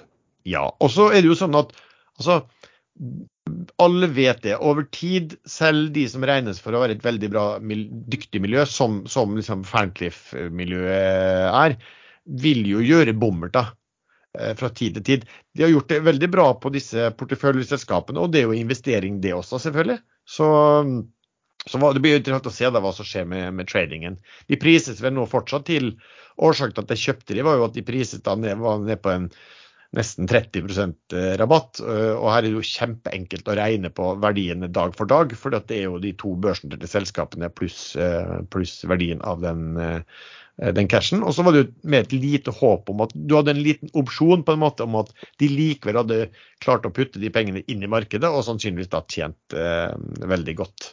Så kursen gikk jo Dagen før så gikk jo kursen en god del eh, på kanskje det, på det håpet, og så har den falt tilbake igjen et, ja, bare et par prosent da, fra det. Så jeg syns egentlig det var et, et bra bet å ta. Eh, sånn. Men jeg har et lite spørsmål spesielt til deg, Lars. Du har jo fått med deg dette her og lest den analysen de har gjort av Weatherford. Hvorfor kjøpte ikke du Weatherford, da? Jeg vet ikke om jeg, nei, Det er et godt, godt, spørsmål, men jeg vet ikke om jeg eide engang SDSD når den kom. Så jeg har egentlig bare sett den i, i ettertid. Men jeg, jeg har egentlig hele tida ønska å eie synes, å eie SDSD har vært bra, fordi at den har vært prisa med 25-30% rabatt. Så, så indirekte har du jo kjøpt det de eier mye billigere. Pluss at den, den, gjengen er nok flinkere å se muligheter har jeg tenkt, i USA og sånn enn en enn hva vi er. Men det, det, det ja, Weatherford skulle man absolutt Nei, ja, men Istedenfor å snakke ned de som da ikke, eller de som solgte seg ut og tok gevinst i Weatherford og ikke ble sittende lenger, uh, så kunne du jo bare kjøpt Weatherford sjøl, hvis ja, ja. de solgte. Ja, enig i det. Men poeng, hvis du trodde på det? Ja, men så kan du si at det var jo deres analyse, det har jo ikke min. Jeg har jo ikke peiling på den, for å være helt ærlig. Så, så, så spørsmålet er jo bare, poenget er jo bare at det er jo de, altså det, En ting er at det er et investeringsselskap på børs, men de faktisk sendte egen børsmelding med hvordan de vurderte en av investeringene. Jeg tror det var for å rettferdiggjøre i tilfelle det gikk til helvete. ja, men det var, det var, i hvert fall en veldig god eh, sånn kurs, kursmessig, bare det jeg har sett på. Så en veldig god analyse. altså det Der er jo truffet spot on på på, på, hva de trodde. Så um, altså, Jeg hadde regna på det hele tiden, at de satt i nettcash, og sånn sett så var det jo sånn var det. Men jeg ser at folk har blitt litt um, forbanna ettertid. Da, på, du er bare litt irritert på at de ikke har gjort jobben sin skikkelig 100 liksom? Nei, altså... Jeg, følt, og fulgt egne overbevisninger? Ja, det er jo egentlig det. Jeg kan skjønne at de kanskje kan være urolig for markedet. Det kan man jo av og til være sjøl og ta inn cash og det, markedet bare går. Men det var ett case som de sier at dette har vi tro på, og dette skal skje. Eh, og da er det litt spesielt å ha solgt seg ut, da. Så ja, da tjente de det, det, Akkurat det har kosta aksjonærene dyrt. Men det vet de, så da er det jo bare å komme seg opp på hesten igjen, ikke det man sier. Um, skal vi se hva andre vi, altså, Vet ikke om dere så at Arne Fredli hadde kjøpt seg inn i um, CO2-kapsul. Jeg tror det var en post der som ble solgt videre. Uh, noen som tror at han skal uh, Hva han tenker der? At han skal være long i et sånt case? Um, det er veldig vanskelig å prøve å, å tippe hva andre tenker. Men uh, han, eller Fredli, blir jo ofte tilbudt eh, blokker og poster i selskap til kurser under sist omsatt. Eh, og, og, han bruker liksom Altså tar gevinst ganske kjapt, så jeg tipper at det samme skjer her. Uh, Erlend, det er vel litt sånn uh, diskusjoner. Det skjer noen ting i Sverige rundt uh, sånne elbilladere som, som påvirker uh, Saptek. Hva, hva, er det som kommer fram? Jo, det er dette eh, andre selskapet Easy, er det heter, som, eh, som har eh, Det består vel av folk som har gått ut av Saptek før. Og de har valgt noen løsninger rundt jording som tydeligvis svenske myndigheter mener at ikke er bra nok. Og da har man et lite problem, for hvis svenske myndigheter eh, nå forbyr den salg av den eh, ISIL-laderen eh, som de truer med, så vil det fort kunne bli europagjeldende forbud, også i Norge. Og da er de ute av markedet. Og hvor fort de klarer å rydde opp i dette her og komme seg inn i markedet igjen, det, det, vet man ikke. Men det er ingenting som er sikkert her. for Nå har de, fått en, nå har de lov til å forsvare seg. Og hvis svenske myndigheter da legger ned forbud, så kan de visstnok anke denne avgjørelsen. Så det er ikke noe som skjer i morgen. Eh, men eh, det vil jo øke Saptex eh, marked ganske kraftig, og det markedet har vokst voldsomt og kommer til å vokse voldsomt ut, utenom Norge framover også. De har vel kommet seg inn i De har fått godkjent i, i UK, og de står vel like før det blir godkjent i, i Tyskland. Så den ene stød, den andre eh, kan fort gjelde her. Men jeg fikk jo eh, installert to elbilladere forrige fredag, og, og sånn fase 3-strøm inn i huset. da. Og, og gjett hva, hva merket jeg eh, fikk på veggen? Breezy, da. Ja, selvfølgelig. Ja. og så to dager etterpå ja, det, det, det er farlige greier. Men, eh, men, men det har ikke skjedd noen ulykker, og det Nei. er noe sånn overspenningsvern som de har gjort på en annen måte. Ja, men det, det var Eh, noen mekaniske greier fra langt tilbake, ifølge vår hoffelektriker på ekstrainvestor W, som jeg kaller han. Uh, han sier jo at dette er bare details, schmetails, men det kan kanskje ha med at han har eh, installert 300 sånne Easy-ladere sjøl, da. Ja, og der har man muligens litt problem, for man vet ennå ikke hvem som er ansvarlig. Er det montøren, eller er det selskapet, eller er det en kombinasjon? Hvem, hvem får regningen? Ja, men er ikke disse laderne egentlig godkjent i de respektive landene? Eh, Det må det jo være, ellers hadde du vel ikke hatt lov å selge dem. Nei, Men godkjennelser kan alltid trekkes tilbake. Hvis det viser seg at det er eh, gjort noe som egentlig ikke var i tråd med godkjennelsen. Og det er noe samsvarserklæring eh, har endret seg underveis, står det her. Og da er det noen som ikke har gjort jobben sin i is, når de har eh, Kanskje. Men uansett, det er eh, rumors, buy the rumors and sell the Hva heter det? Sell the facts. Sell the facts, ja. Så jeg har tatt litt i den nå. Men den gikk jo kraftig i går, eh, og akkurat nå så er den vel så vidt i pluss. 1 opp i dag. Ja, jeg òg kjøpte denne Zaptec i går, men jeg solgte den på slutten av dagen i går. Så det ble en kort trade for min del. Det som, ofte, det som oftest det. Å ja, ja, ja, sånn var det, ja. Det var ingen som sa jeg måtte holde den lenger, liksom, så da, da solgte jeg. Av, avkastning per Nei, jeg, jeg skylder på alle andre hvis det, ting går videre oppover. Det er litt sånn, da. det er aldri min feil. Men grunnen til at jeg tok den i dag eh, Jeg full- så på den, og gikk opp i går. Da gikk den vel 5-6 eller enda mer, enda mer kanskje. Men jeg sjekket litt i Saptek-kanalen på Ekstrainvestor, og der fant jeg en analyse fra desember som hadde kursen opp på 40. Eh, Så da tenker jeg da er det sikkert Det var jo en eh, analy analytiker ute i um, eh, Finansavisen i dag som sa at uh, Saptek kunne doble salget sitt hvis Easy måtte uh, ikke fikk lov å selge lenger. Ja, og så har Saptek uh, penger nok, visstnok. Og markedet vokser og vokser. Så det kan være en veldig bra aksje uansett. Men sånn teknologisk på det der, altså eh, Hvilken teknologisk fortrinn har de aktørene i kontra hvem som helst andre som måtte sette i gang? Nei, det, er det ikke bare en stikkontakt? En avansert stikkontakt? Det er fint design. Det ser litt kult ut. Nei, bare Ja, men- på Hvorfor kommer liksom aktører opp da eh, fra Norge og og inntar Sverige og sånn? Er det fordi at det er så mye det, det, er så, så utbredt med elbiler i Norge at de, de får en ja, Ja, la oss det er så masse elbiler i Norge. ikke det er lage, Det er lettere for dem å starte opp og få litt volum i. Det, er det har ikke vært så enkelt å starte opp en sånn greie nedover i kontinentet hvor det er store avstander og få kunder. Det er veldig upløyd mark i Afrika f.eks. Der er det ikke så mye sånn elbilladere.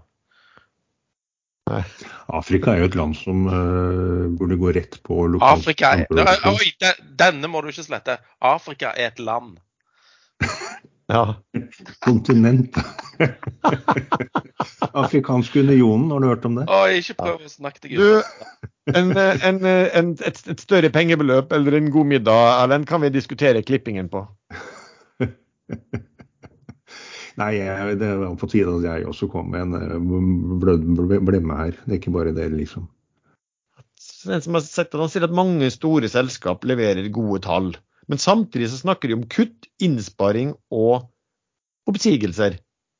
Um, hva, eh, hvilke tanker gjør dere, dere om det, Sven? For å få opp inntjeningen ytterligere, så er det jo lurt å, å, å kutte kostnader.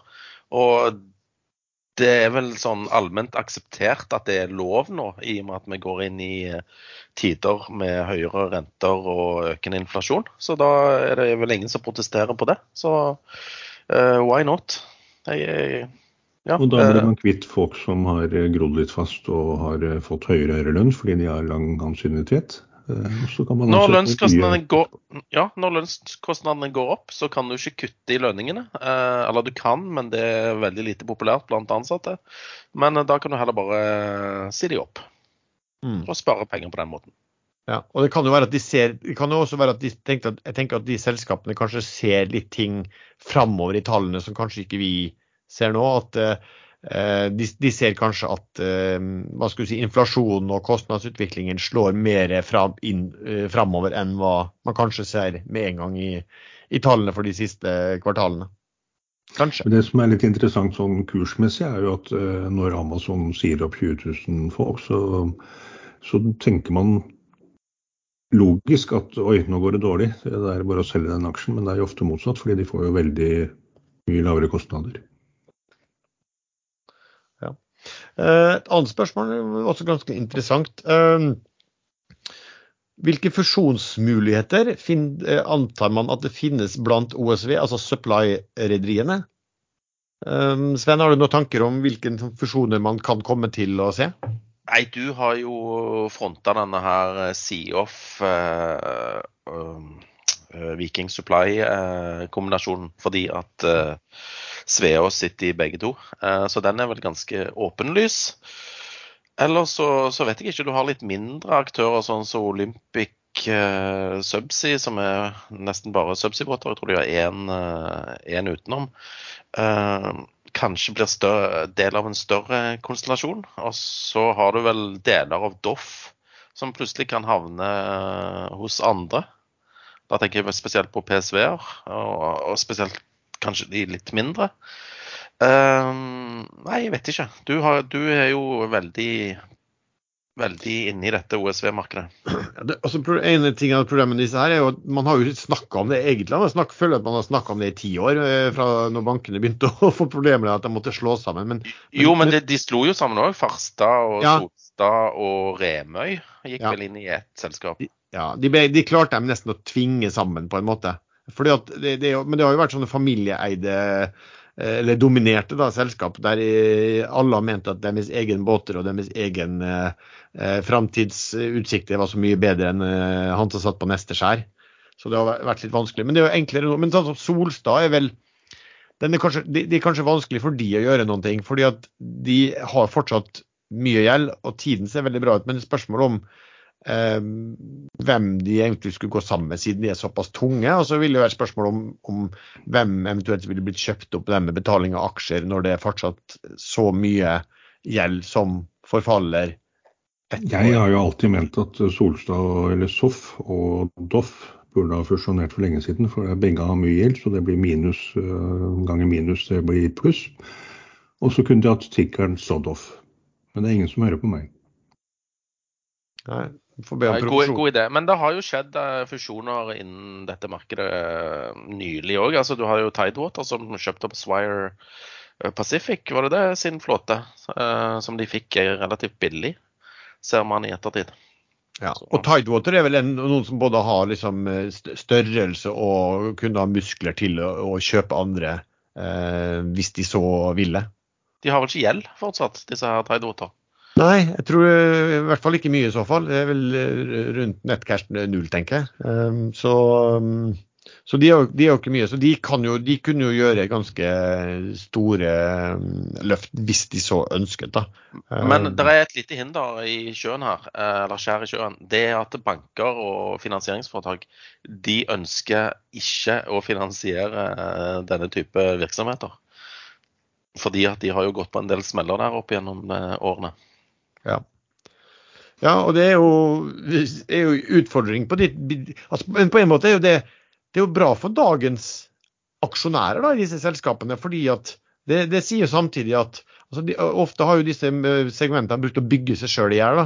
Men bankene ikke har lyst til å finansiere det, så er det jo ikke så lett å få lån til å begynne å bygge nye fartøy hvis du har lyst til å Nei, gjøre det. det, heller. ordreboken eh, på verftene er jo null. Altså, det er ingen de bygger sånn vind, vindservicefartøy og alt dette her, men ingen eh, ordinære eh, OSV-er. Men jeg leste at en tysk bank har snudd. De har nå sagt seg villige til å finansiere skipsbygging igjen.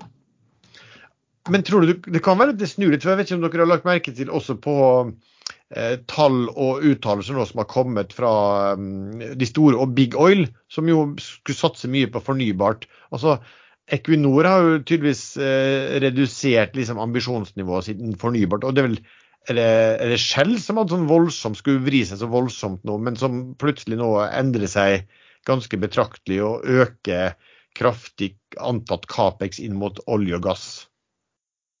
Så, um, så det er vel et tegn det også på at uh, altså jeg tenker når, når Big Oil vil begynne å satse mer på, på oil, så gjør det kanskje også at finansinstitusjonene også begynner å åpne litt mer opp, kanskje? Det er jo med det at det ikke er så politisk ukorrekt å si det lenger. Det var jo en periode det at uh, nevnte du olje, så ble du jo dømt til døden.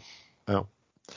Uh, men vi kan ta samme, samme da, spørsmålet her var uh, knytta til Det er en som spør hvis du skulle valgt en aksje i hver av disse områdene å sitte på i 2023, ville, ville, hvilken ville det vært? Og Da blir det spørsmål om rigg, eh, supply og shipping.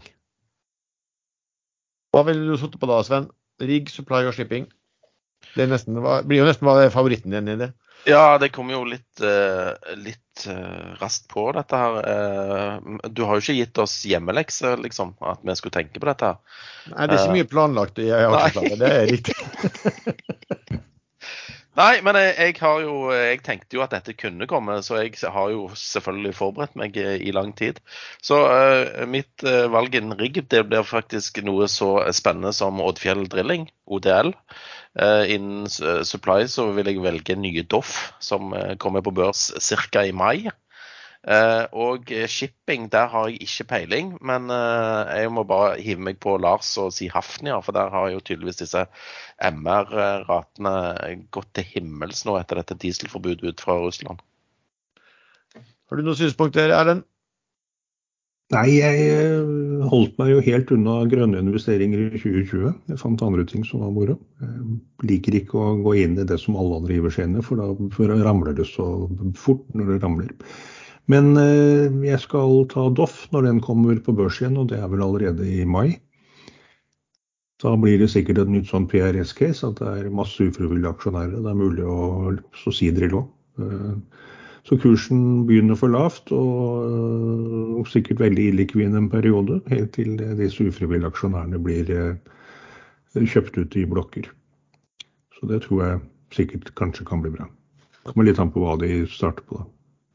Eh, For min del, i rigg så er jeg jo Valaris og Seedrill. Jeg er mer Valaris fordi at Valaris er mer eh, solid. Det er jo en som er veldig Altså, de, har vel strengt tatt knapt noe, noe rentebærende gjeld eh, i selskapet sitt.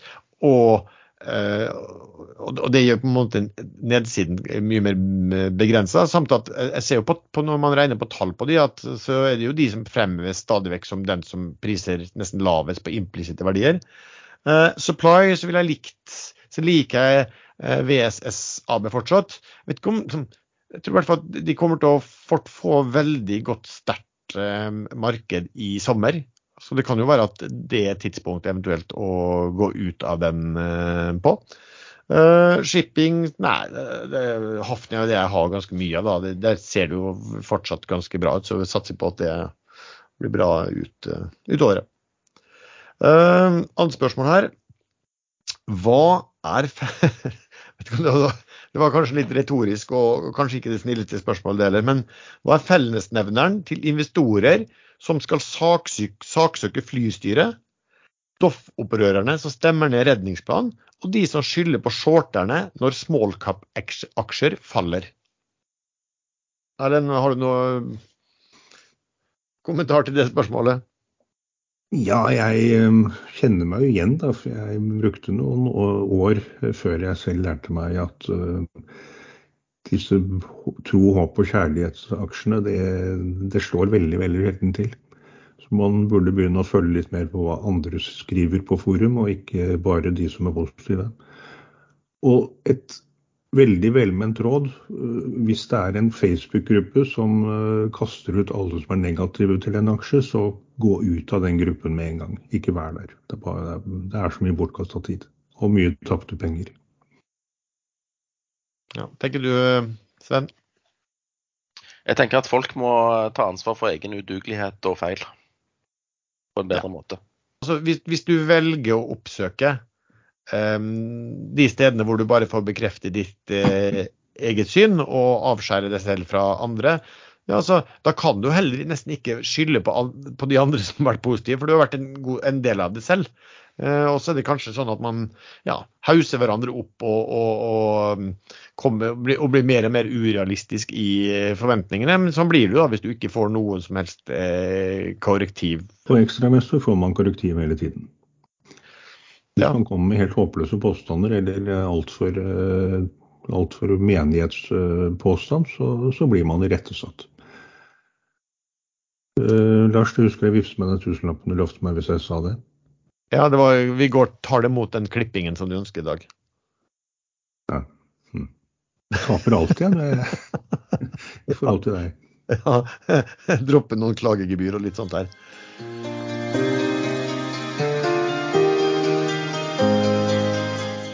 Aksjesladder sponses av IG. Trade kurtasjefrie turbovarianter på en kraftig og brukervennlig webplattform eller direkte i IGs mobilapp.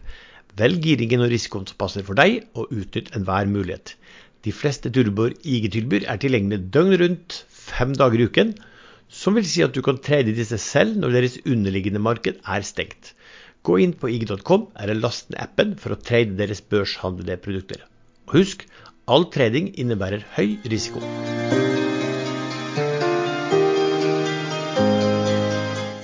Ja, Er det noe mer dere har lyst til å ta opp eh, av temaet, eller skal vi gå videre på ukens favoritter? Ikke det. Nei, men da får høre. Hva har du tenker på uken som kommer, Sven? Eh, jeg har Altså, det er Superbowl på søndag. Eh, så det kommer jo til å bestemme kortsiktig børsretning ifølge gammel overtro. Men det gjør ikke det nå lenger. Men det var alltid sånn at NFC-laget måtte vinne for at børsen skulle gå opp det resten av året. Så eh, de som ønsker det, må jo da heie på, på Philadelphia Eagles. Når det er sagt, så har jeg funnet fram til den verdens mest bortglemte drillingaksje, og det er Oddfjell Drilling. Den har eh, jeg kikka på chartet, faktisk, for å få danne meg et bilde. Ikke for å se på TA eller noe annen voodoo-greier. Men uh, jeg lå jeg relativt stille nå i årevis. Jeg har ikke fått et skikkelig oppsving i forbindelse med uh, den reprisingen som har skjedd rundt i, i, bransjen. Kanskje fordi at de har hatt litt lange kontrakter på disse harsh environment-riggene sine. Men jeg vil tro at stålverdiene der har gått uh, kraftig opp. Og jeg venter bare på at noen skal ta tak i denne her. Og det tror jeg kommer til å skje ganske snart. Håper i hvert fall det. Ellers så, så uh, har jeg økt i denne Horisont Energi. ene og alene fordi at de prises så langt under eh, kontantbeholdningen. Når det er sagt, så er det jo utfordringer fremover for selskapet. Men jeg satser på en rekyl. Den har ikke kommet ennå, for der har det vært eh, VM i eh, selging. Og det samme skjedde jo i, i Hyon, hvor jeg òg egentlig sitter stille i båten og venter på, på news, så jeg kan komme meg ut. Hvis det er lov å si. Uh, nei da, Hyon kommer sikkert med et eller annet. Uh, i, i, Jeg vet ikke om det er i nær framtid, men uh, det går ikke konkurs uh, i løpet av neste uke i hvert fall. Det var det for meg. OK. Erlend? Eh, jeg har egentlig ikke så mye i Norge. Jeg kommer til å trade denne Saptek litt på hva som kommer der. Så kan det jo plutselig komme en så stor dump i Ensu at man tør å ta litt og bli med litt opp og selge seg ut igjen. Men eh, den er livsfarlig. Men ellers så ser jeg mest på amerikanske selskap nå. Jeg har jo begynt å lese meg litt opp på disse AI-selskapene som Sven har nevnt, og begrunnet så godt hvorfor burde opp. Og selskap som heter da AI, med tikker eh, C3.ai, eh, de nå, nå, nå, nå, tok du motsatt, fordi at uh, selskapet heter c3.ai. ja, akkurat, og tikkeren er. Ja. Ja, men man finner ikke tikkeren sånn med første forsøk på i DNB i hvert fall, hvis man skriver AI, for det er så mange som dukker opp. Så da må man søke på c3.ai. Det var et lite tips. Ehm, de er ca. halvert fra toppen, eller opp, av oppgangen. Fra 10 til 30 ned til rundt 20 nå, så det kan jo falle mye mer. Men det selskapet er eh, relativt seriøst. Det virker som at det er dyktige folk i ledelsen. Ehm, Bl.a. Condoleezza Rice sitter i styret, men det er vel sånn litt typisk amerikansk at tidligere toppolitikere får innpass. Men de åpner jo opp dører òg. Eh, det man kritiserer selskapet for, er at de har én eh, hovedkunde som de ikke vet nå om kommer til å forlenge kontrakten, og da kan jo de selvfølgelig slite. Eh, da har du dette andre selskapet til han TIL, hva heter det? Palla, nei. Palantir? Palantir, er ikke det det heter? Eh, de er visstnok mye mer bredt eh, diversifisert og ikke avhengig av én stor kunde. Så, så, det er et selskap man burde følge med på også. Men det er eh, Hvis man klarer å komme seg inn i en, en trend, sånn som tech den gangen og dotcom og alt dette her, relativt på bunnen, så kan man få en vanvittig reise oppover. Tech er jo sikkert ikke ferdig det, men det er jo fremdeles ikke billige priser til de som uh, bruker kalkulatoren. Så ja. Nei, AI, kjempeinteressant. Skal jeg følge med på. Okay. Uh, jeg ser forresten akkurat nå så har det kommet en, eh, en uh, artikkel i Finansavisen om noe vi akkurat satt og snakket om. Solgte alt før tidenes kursfest, står det. Rett før tidenes kursfest solgte Øystein Streisbetalen hele tradingporteføljen og måtte fra sidelinjen se sin gamle hovedaksje doble seg i verdi, står det her. da. Står at han, eh, så henviser de da til eh, faktisk til ekstrainvestor, det er jo hyggelig. Og så ser jeg vel at uh, han har ikke villet kommentere dette Spetalen, da, eller han Martin som er styreleder vil ikke kommentere det. Så, sånn er det. Nei, for min del skal vi se. Og så Eh, forrige uke så snakka jeg vel om eh, Kester og Ifi, og Kester har vel utvikla seg veldig bra siden det. Og Ifi har vel også gått videre opp, var, var en del høyere, men den ligger ganske stille. og der er Det vel som sagt, det man venter på der, er vel at de melder om lansering av uh, nye produkter der. Um, en som er litt interessant, og den, jeg ble nesten, som jeg, som jeg sa, jeg tok en veldig sånn gamble på, men det er jo ikke noe stort beløp. da, Men gambelen er for at de melder at de skal hente penger i løpet av første halvår. Det er jo, det er jo BV Ideol. Uh, der kom de med en melding om uh, de har jo en sånn egen teknologi på flytende eh, vindkraft, og så kom de med en melding om hvordan liksom, kapasitetsutnyttelsen var, eller hva de nå kalte dette her. Og så måtte jeg spørre noen eh, om var det bra, og da svarte herr Henriksen at ja, det var veldig bra. Hva det du sa, Erlend? 59% nesten 60% det er, eh, det er ganske ekstremt. Og det er jo egen teknologi. Og den er jo, altså den, den er jo prisa, har vært prisa på pris bok på 0,2. Så det har vært brukt en milliard kroner der, og de priset det noen hundre mill. Og så har den falt, den har jo halvert seg fordi at de sa at de skal hente penger i, i 2023. Ehm, Nå har kursen gått en del oppover da, etter den meldingen kom.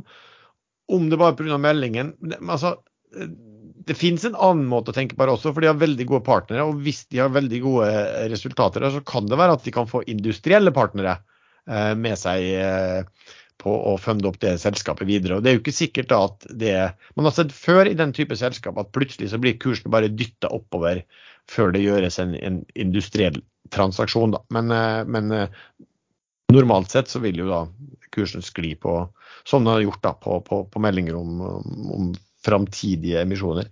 Men ellers er jo Hafnia tikk og går. Nå, nå falt jo som jeg diskuterte her også i aksjer, så falt jo disse spotratene ganske mye fram mot um, sanksjonene i Russland, som var liksom litt sånn motsatt av hva man sa. Men den har plutselig, nå har det jo gått kraftig opp igjen og tatt inn en del uh, av det de um, siste dagene. Så den tikker jo bare og går.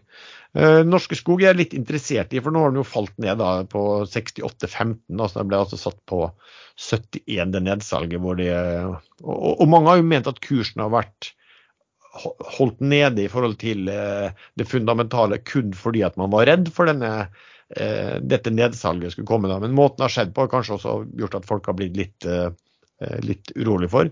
Altså SDSD da fortsatt billig på eh, prisbok. Og jeg tror ikke spetalensystemet her er, er, så fornøyd med at de nesten begynner å bli prisa litt sånn Wilhelmsen-aktig, som om de ikke får det til eller gjør noe.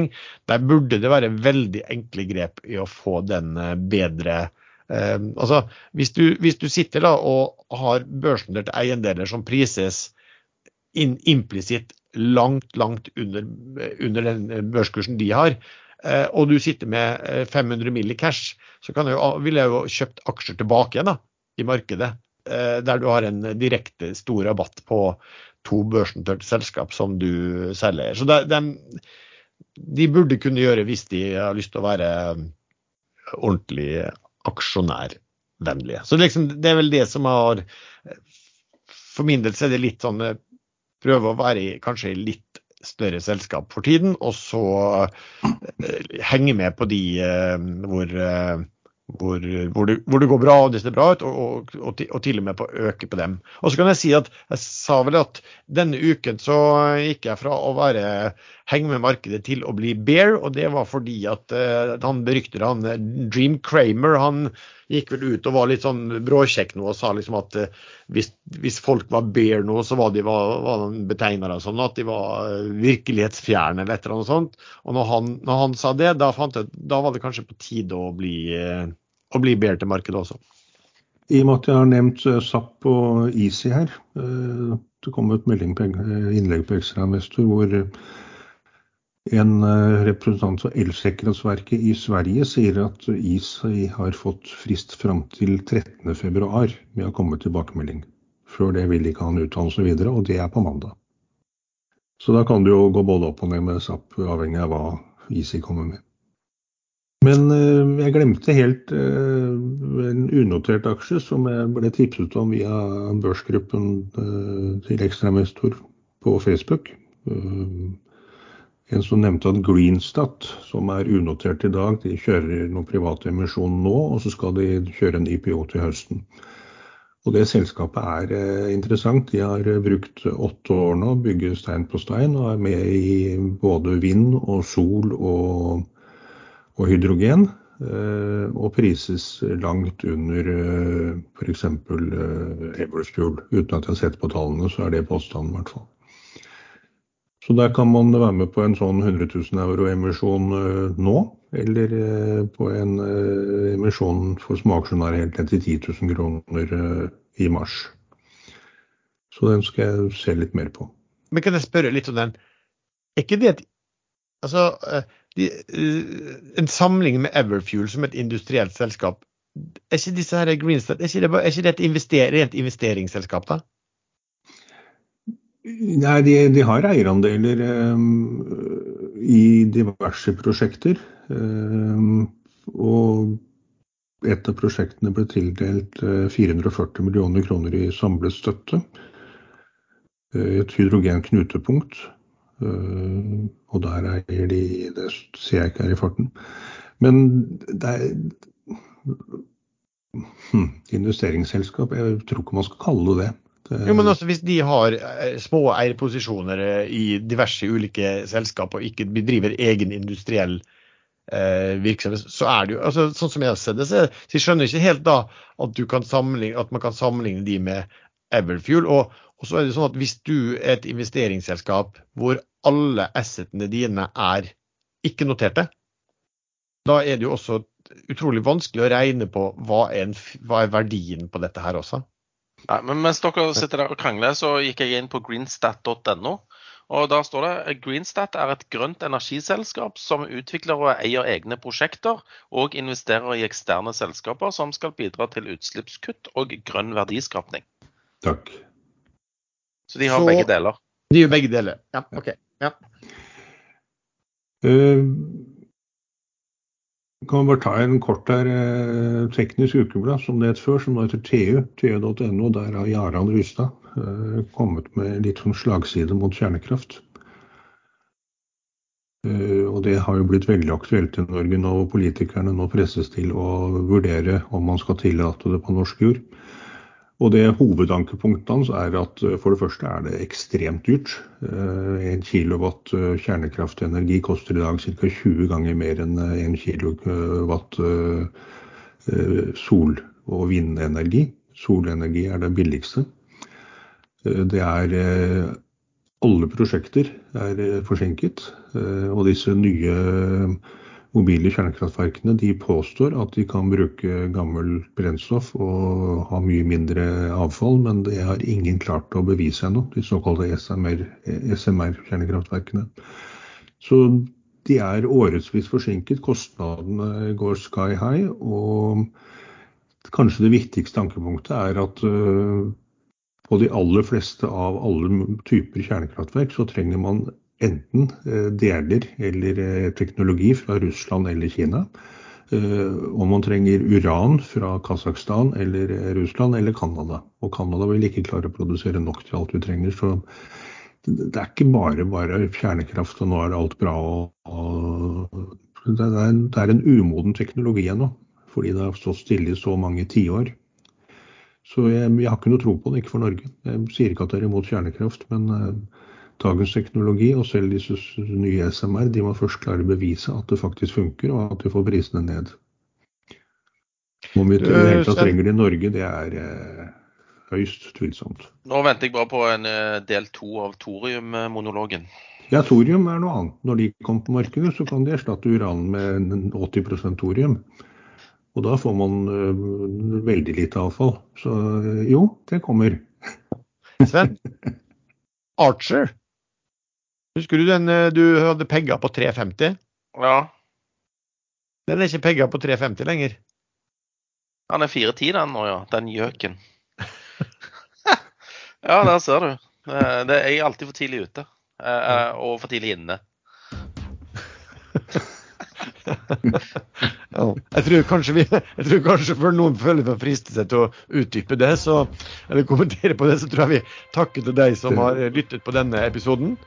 Eh, du treffer stadig oss tre chattene inne på um, Ekstrainvestor. Vi har også en egen gruppe på Facebook som heter podkasten Aksjesladder, der du er hjertelig velkommen. Musikken er som vanlig laget av sjazz.com, og vi høres. Du hopper av i svingen på øh, feil ting, du, Sven. Nei, men det skjer jo ingenting. Ligger jo bare der, dau. Som en selv. Ja, er, eh, nå tenkte jeg på den andre måten å hoppe i svingen. Da er det veldig kjedelig hvis den ligger bare der, da. Men, uh... Som en sild? men der kan man jo spare mye penger på å hoppe i svingen. Men når du hopper av i svingen på 10 dollar og den går til 30, da, da 11 dollar. Du tjener 1 dollar, da. Men du er, du er jo notorisk dårlig å hoppe av i den svingen, Erlend. For du har jo hva har du, 11 unger eller noe sånt, eller? Ja, noen må jo bidra til å få opp fødselstallet i Norge. Den er på 1,6 eller noe sånt nå. For å opprettholde befolkningen så må det ligge på 2,1 eller 2,2 barn per familie. Så jeg har bidratt. Du har skrudd av nå, altså. Du trenger ikke å spille for galleriet. oh, ja, ja. Trenger ikke å spille, bare, bare, heller bare fortelle at du har vært litt for ivrig. Nei, jeg har ikke vært for ivrig i det hele tatt. Det, alle har vært velkomne. Men jeg skal ikke begynne på en runde to, bare så det er klart.